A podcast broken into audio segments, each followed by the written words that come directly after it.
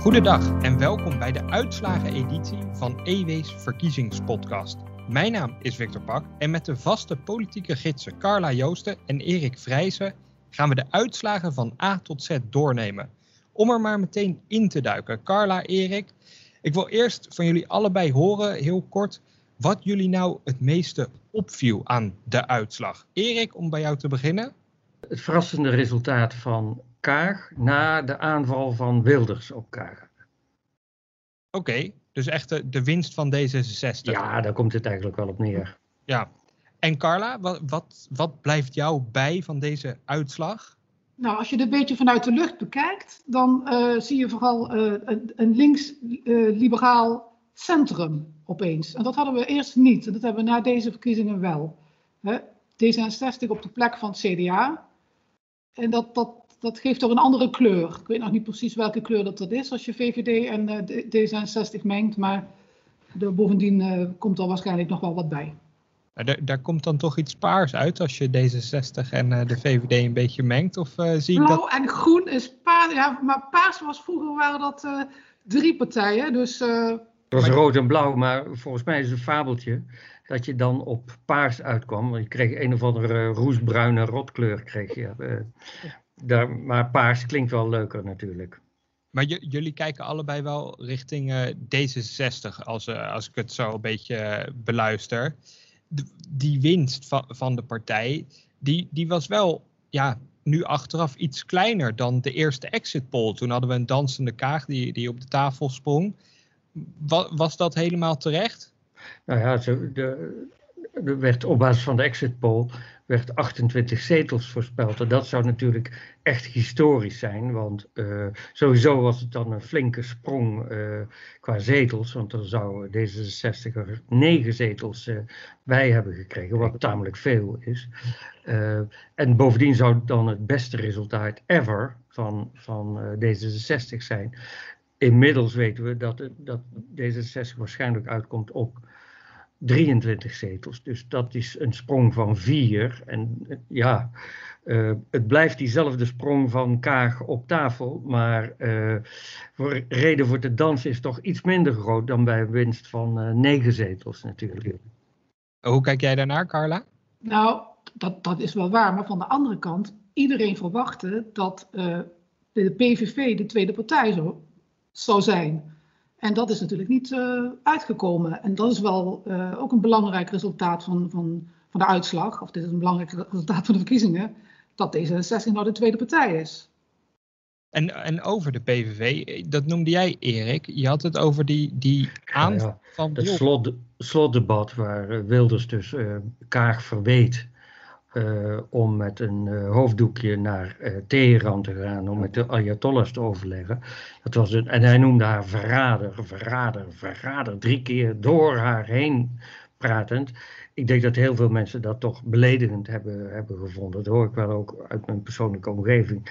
En, en nou, het is natuurlijk natte vingerwerk. Maar ik denk dat dat Kaag drie zetels heeft opgeleverd. Omdat het was toch zo'n. Uh, uh, het was een moment wat iedereen bleef onthouden. En ik vergelijk het een beetje met wat uh, in de, bij de laatste Europese verkiezingen gebeurde. door dat filmpje van de SP, waar heel erg de draak werd gestoken met Frans Timmermans, toen lijsttrekker van de PvdA. En uh, die werd daar een beetje als een, uh, ja, als een eurocraat die, die zijn zakken vulde en, en ik geloof met, met treintjes speelde of zo. Het was eigenlijk een heel onsmakelijk en beledigend filmpje. En ja, uh, na zo'n aanval is degene die wordt aangevallen, die, die springt er natuurlijk goed uit. En, en, en ja, achteraf was het niet verwonderlijk dat juist uh, Frans Timmermans, een P van de A, toen de grootste werd bij die verkiezingen. Dat Timmermans-effect heeft zich nu weer voorgedaan, maar nu ten voordele van uh, Sigrid Kaag. Ik denk overigens dat, dat het eigenlijk twee kanten van de medaille zijn. De achterban van Wilders dacht, hey, hij heeft er nou tuk. De achterban van uh, Kaag, die dacht, hey, ze heeft hem nou tuk. Ik denk dat het voor allebei goed was, dus ik weet niet zeker of dat wel klopt van die zetels. Natuurlijk, natuurlijk, ze zoeken elkaar al, allebei op. En ook Pechtold en, en Wilders waren uh, Pechtold de voorganger van elkaar. Dat waren elkaars geliefde tegenstanders. Daar zaten nooit twijfelaars tussen. De mensen kiezen altijd voor de een of voor de ander. En het is hooguit om een eigen achterban uh, of potentiële achterban te motiveren om in het geval van Kaag op D66 te stemmen en in het geval van Wilders op de PVV.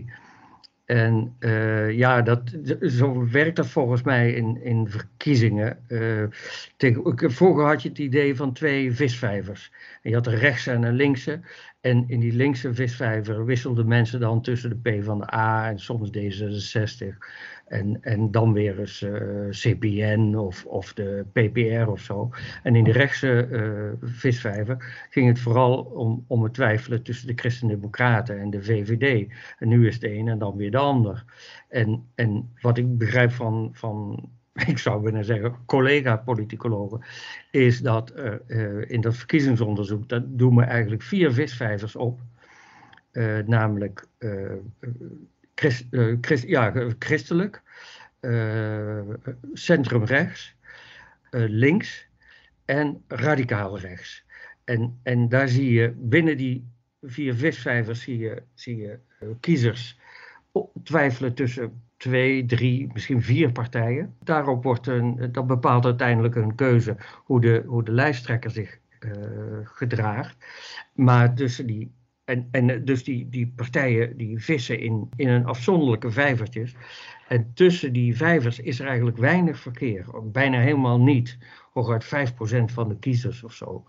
bijvoorbeeld tussen wat iedereen altijd denkt tussen, tussen Wilders en, en Rutte. Tussen PVV en VVD is, zijn veel twijfelende kiezers. Nee, uh, vergeet het, want het is maar iets van 5% van de kiezers die nog aan twijfelt om, om tussen beide partijen op en neer te gaan. Dat stelt eigenlijk niet zoveel voor.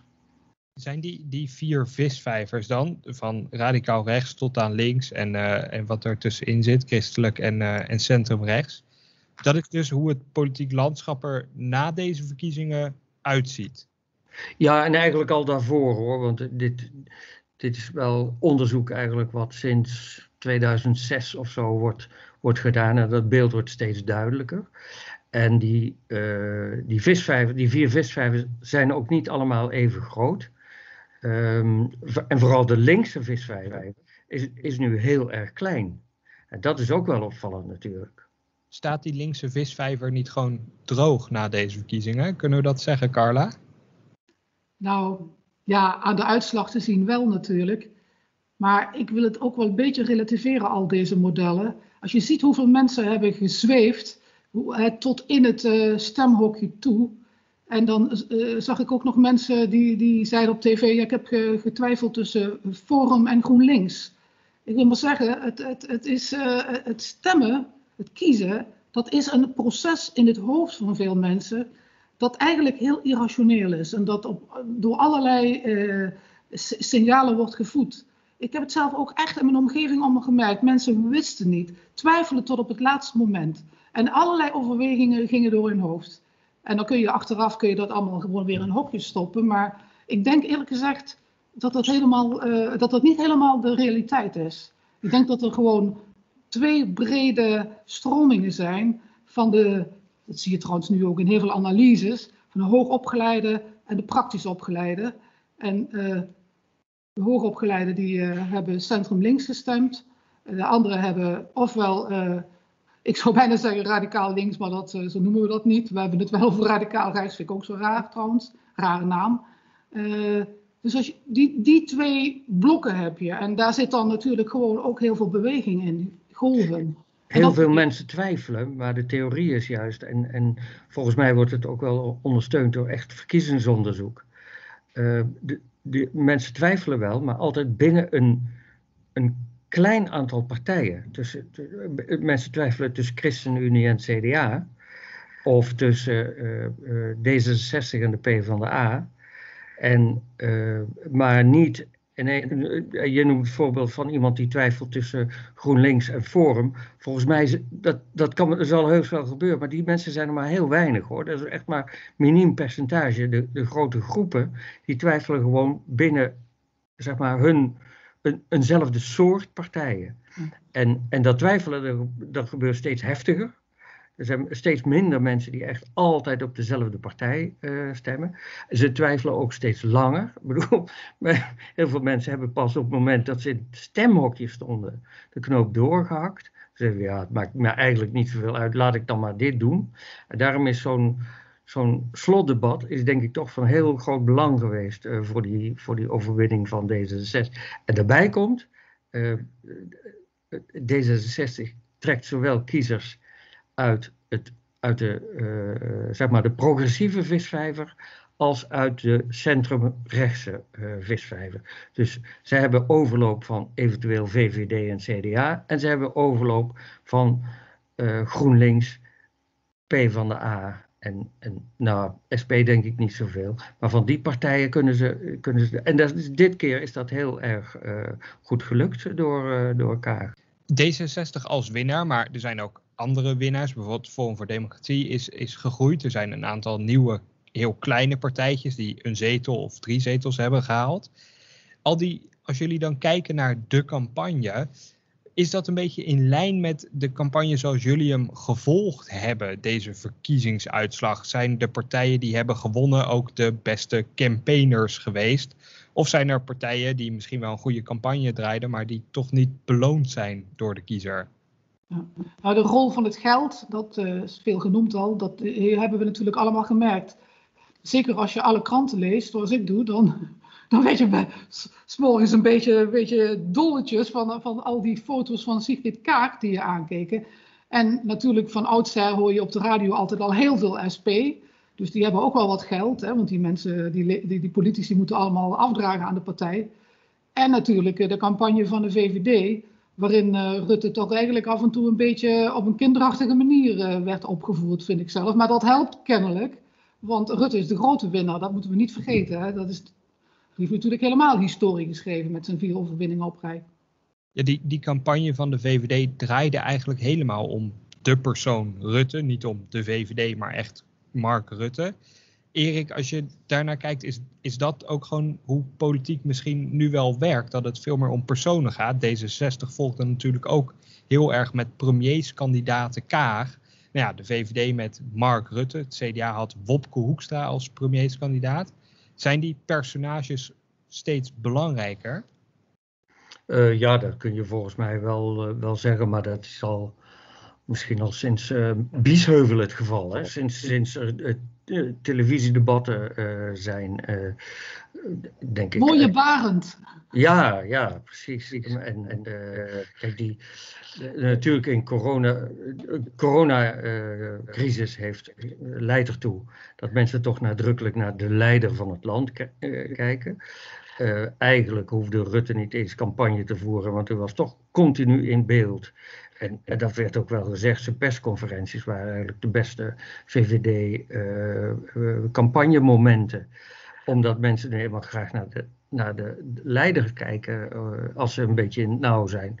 En, en drie, ja, een campagne kan ook mislukken. En, en dan kom je toch in een soort flow waarbij eigenlijk alles misgaat. En dat zag je bij het CDA, want, want waren fouten van de lijsttrekker, maar er ook alles wat mis kon gaan, liep op een gegeven moment ook mis. Als uh, Hugo de Jonge die op de dag van de verkiezingen met een, met een zonder rijbewijs en met verlopen paspoort uh, wilde, zijn stem uit wilde gaan brengen.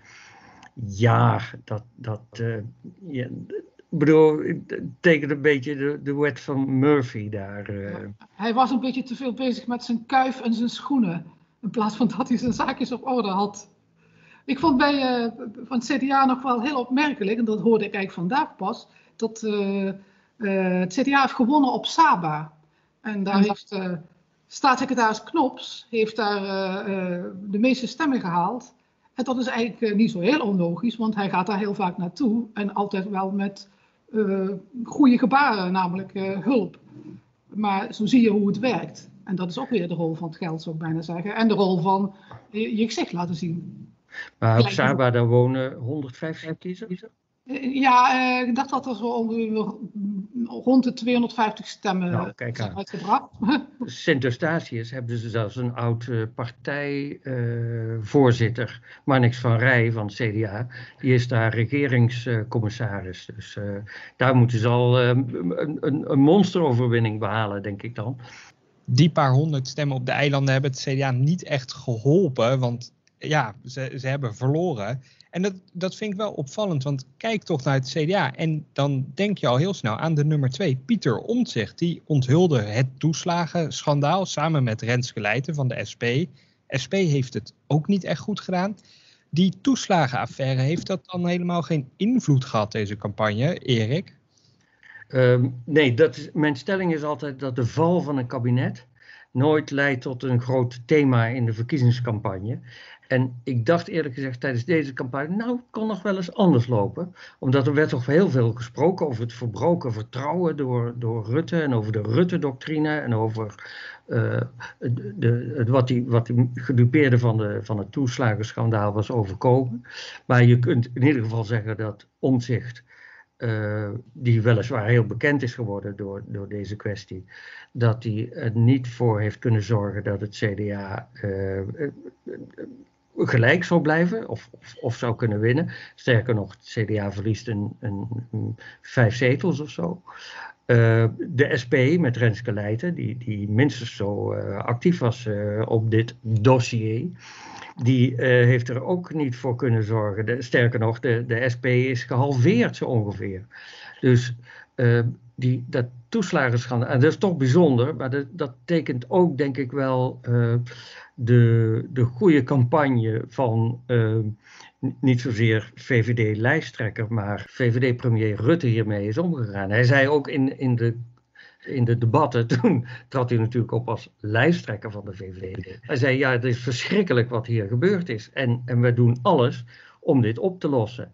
Ja, kennelijk hebben de, hebben de uh, merendeel van de kiezers heeft daarmee uh, genoegen genomen. En dat was toch bijzonder, want een van zijn, ik zal maar zeggen, pijnlijkste momenten in, in de debatten was die confrontatie met die mevrouw uh, die. Uh, die slachtoffer was van de toeslagenaffaire. En die heeft daar meteen hem daarmee geconfronteerd. En Rutte zei: Oeh, u was eerder bij mij in het katshuis. Daarmee werd ze toch een beetje onderuit gehaald, omdat zij was niet zomaar een burger die ze van de straat hadden geplukt. Nee, zij had al eerder als, als woordvoerder in, dit, uh, in deze kwestie opgetreden. Mark Rutte blijft zeer waarschijnlijk premier, want zijn VVD heeft hij opnieuw de grootste gemaakt voor de vierde keer op rij. Maar hij heeft nog altijd geen meerderheid van de Tweede Kamerzetels in, in bezit. Hij moet een coalitie gaan vormen. En dat gaat gebeuren tijdens de komende weken, maanden. De formatie die gaat beginnen. Hoe, hoe ziet dat proces eruit, Carla? Uh, nou, dit, dit, is meer een voorspelling dan een weet. Maar ik kan me voorstellen dat uh, in eerste instantie uh, met D66 gewoon een soort minderheidskabinet wordt gevormd om in elk geval het uh, herstelplan, uh, waar uh, Rutte het steeds ook over had, te gaan uitvoeren. En ook al de basis te leggen voor de nieuwe begroting, want dat moet ook gaan gebeuren. en daar valt ook meteen al wat steun van andere partijen voor te verwachten. Want dat coronabeleid is inderdaad on onomstreden, hebben we gezien, redelijk onomstreden. Dus VVD en D66 zullen in principe samen optrekken. Maar betekent dat ook dat ze volledig een kabinet gaan vormen? Of meer nu even de eerste paar weken nauw samenwerken in de verkenning? En uiteindelijk nog andere partners erbij zoeken om echt een kabinet te vormen? Nou, uiteindelijk zullen ze natuurlijk meer partners uh, gaan zoeken. Tenminste, dat is de verwachting. Hè? Dat, dat, dat, een minderheidskabinet, dat doen we niet zo vaak in Nederland. Maar dat, kan, dat moet niet te lang duren. Kijk, als je echt een begroting wil uh, indienen dan is het toch wel handig om, om helemaal klaar te zijn.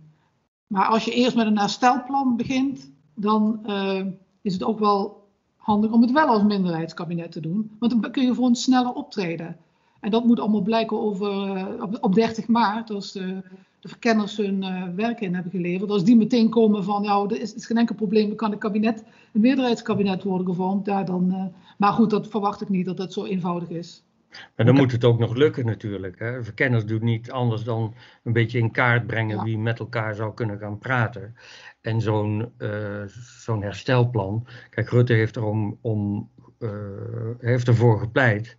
Maar uh, ik hoor hem niet pleiten voor een proeven van een regeerprogramma. Uh, waar dan vervolgens uh, uh, iedereen het over eens moet worden en wie niet over eens is, die valt af in de formatie. Zo werkt het volgens mij niet. Ja. En het viel me op dat uitgerekend vanochtend heeft, heeft Kaag nog iets geroepen van we moeten toch zo snel mogelijk van de lockdown af. en um, dus zij is toch nog wel een beetje aan campagne voeren volgens mij. En sowieso, het demissionaire kabinet voert het coronabestrijdingsbeleid uh, uit. En, en ja, dat, dat, ze hebben geen, parlementaire, uh, geen vaste parlementaire meerderheid. Ze moeten ook volgende week nog een keer naar de Kamer om, om verantwoording af te leggen. Maar dat werkt eigenlijk wel. En ik zie eigenlijk niet zo grote verschillen met, met maatregelen die ze zouden kunnen nemen als, uh, als er een gewoon kabinet zou zitten. Nee, maar de economie moet open worden gegooid en dan uh, heb je wel wat, wat meer uh, stevigheid nodig, denk ik. Dan kun je niet, dat kun je niet als demissionair kabinet op je eentje doen, denk ik. Dan heb je echt wel... Maar wat moeten ze dan doen als... Nou, herstel... Wat voor maatregelen kunnen ze nu niet nemen die ze dan wel wilden nemen? Um, nou... We hebben vorige week nog, ik meen iets van 140 miljoen aan steunmaatregelen er tegenaan geklapt. De, de planbureaus hebben daarvoor gepleit, voor een, voor een herstelplan wat zo snel mogelijk wordt ingediend. Blijkbaar vertrouwen die er niet op dat dit door een demissionair kabinet kan worden gedaan. Dus Erik, jij verwacht dat het, het kabinet wel door kan met gewoon de aanpak van corona in ieder geval. Dat is toch het belangrijkste onderwerp. Carla kijkt wat meer naar een eventueel herstelplan, waar Mark Rutte ook campagne voor heeft gevoerd. Die formaties in Nederland, hè, jullie hebben er talloze uh, bijgewoond, verslag van gedaan. Dat is nu misschien wat moeilijker, omdat het door corona wat, wat ingewikkelder is, dat binnenhof. Maar Nederland blinkt wel samen met België voor mijn gevoel altijd uit uh, in een wedstrijdje lang formeren, als het ware. We kunnen eindeloos discussiëren en doen. Verwachten jullie dat dat dit jaar ook weer zo gaat zijn? Of, of geeft die coronacrisis toch wat urgentie mee aan de formateurs die, die straks gaan komen? Ja, dat verwacht ik wel. Ja. Ik, ik denk dat de, de, de, problemen anders te groot worden. Je kunt zeker geen 200 dagen nu gaan formeren. En ja, het, het, het, het politieke landschap is toch ook weer, weer niet zo ingewikkeld. En het zal toch een, een, een kwestie van het overbruggen van tegenstellingen zijn. Dat is het altijd natuurlijk in de kabinetformaties. Maar de, de, de drang om dat nu ook snel tot een goed einde te brengen, dat, die is volgens mij groter. Erik?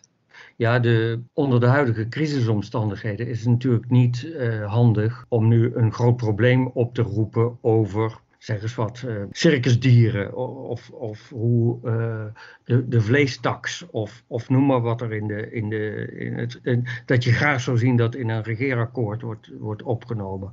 Of het, het verhogen van de, of het niet verhogen van de tabaksaccijns of zo. Dat valt allemaal weg.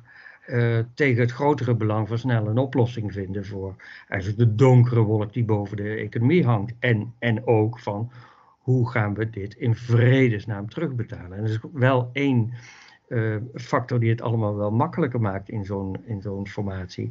Kijk, bij, onder normale omstandigheden heb je, heb je uh, linkse partijen die zeggen dat de overheid moet, moet zijn staatsuitgaven verhogen om het land uit de crisis te investeren.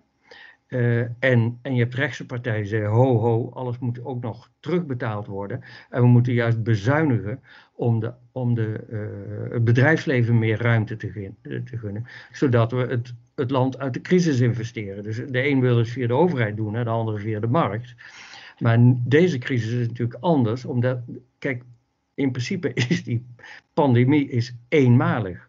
Dus uh, ook rechtse partijen aarzelen nu niet om, om, eh, om met miljarden te gooien, zeg maar. Ook, ook CDA en VVD doen dat. Dat waren toch eigenlijk altijd de partijen die zeiden, oh, oh tut, tut, zuinig met dit geld, want anders komen we in nog grotere problemen.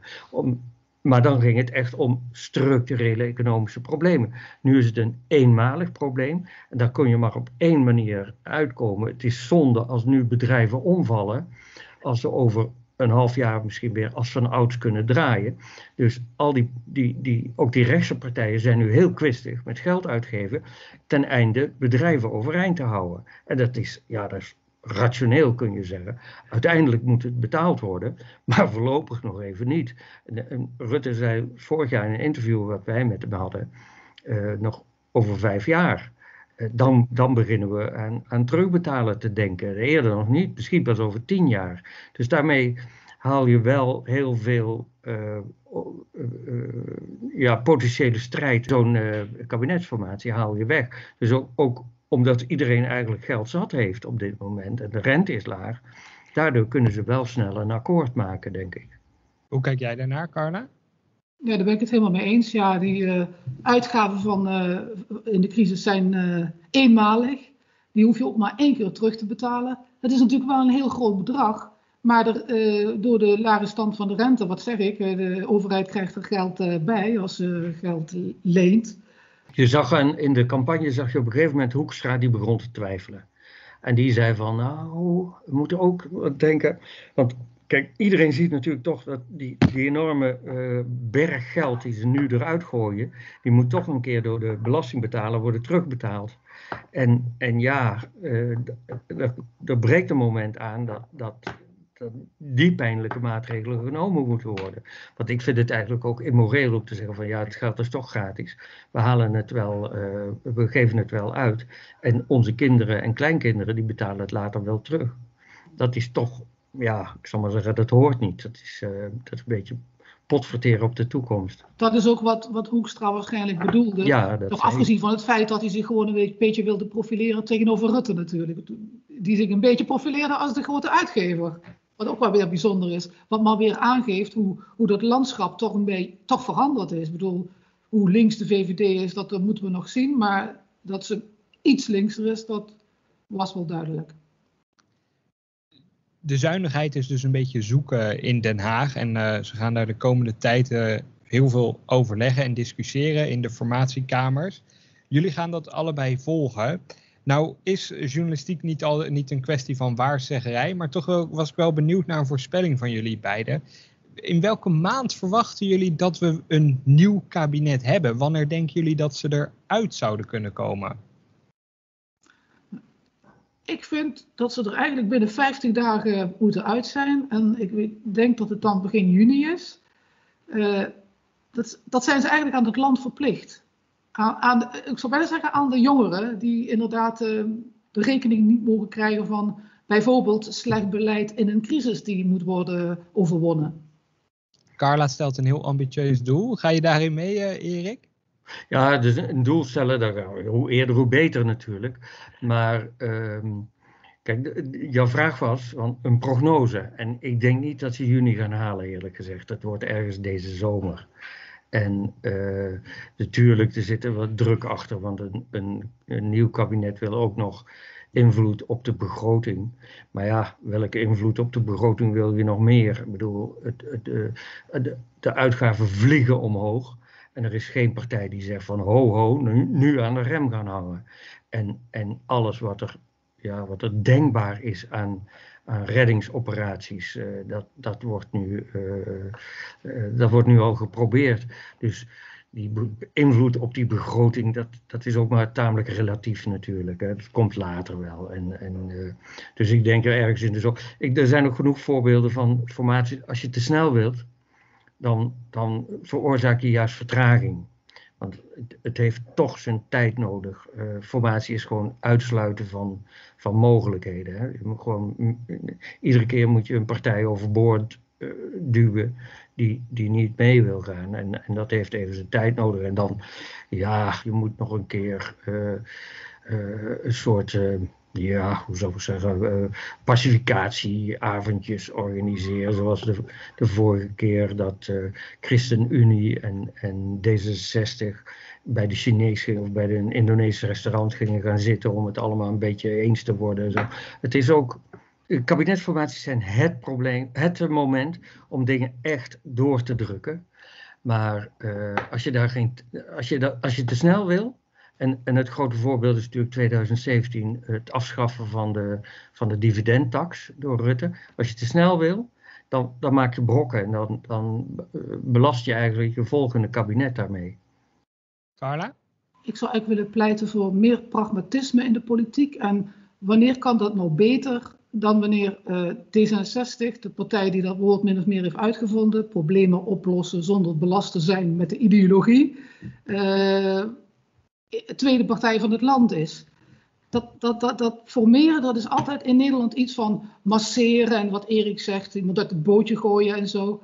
Maar ik vind het ook een beetje, ja, we, hebben toch, leven in moderne tijden. Nierenproeven, dat wordt ook altijd gebruikt als het uh, over kabinetsformaties gaat.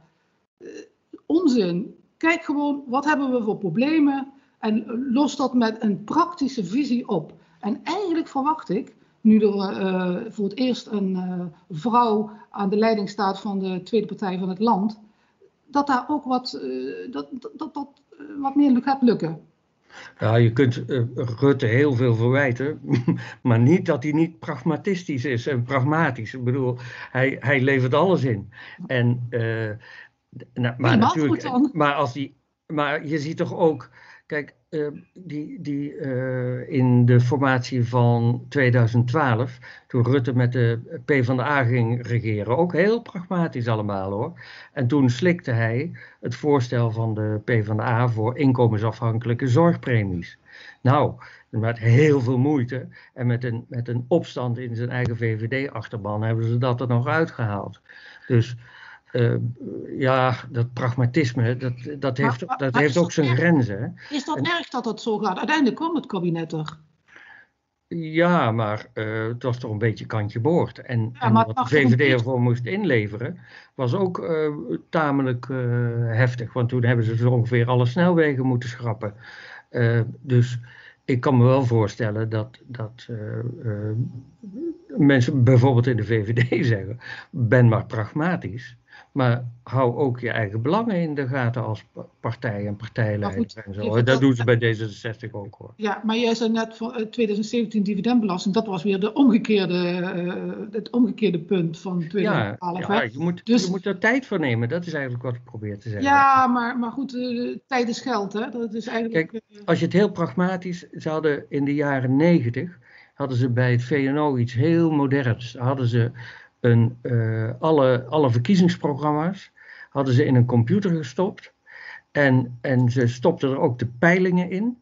En dan konden ze uitrekenen welk kabinet er zou kunnen komen.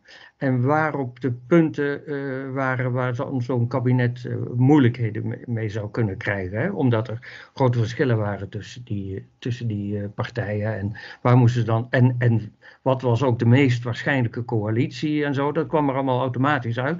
Want die partijen pasten dan het best bij elkaar en, en die partijen juist niet. Dus ze hadden een tamelijk goede voorspelling van misschien wel hoe lang de kabinetsformatie zou duren. Maar in ieder geval hoe de kabinetsformatie zou kunnen gaan eh, verlopen.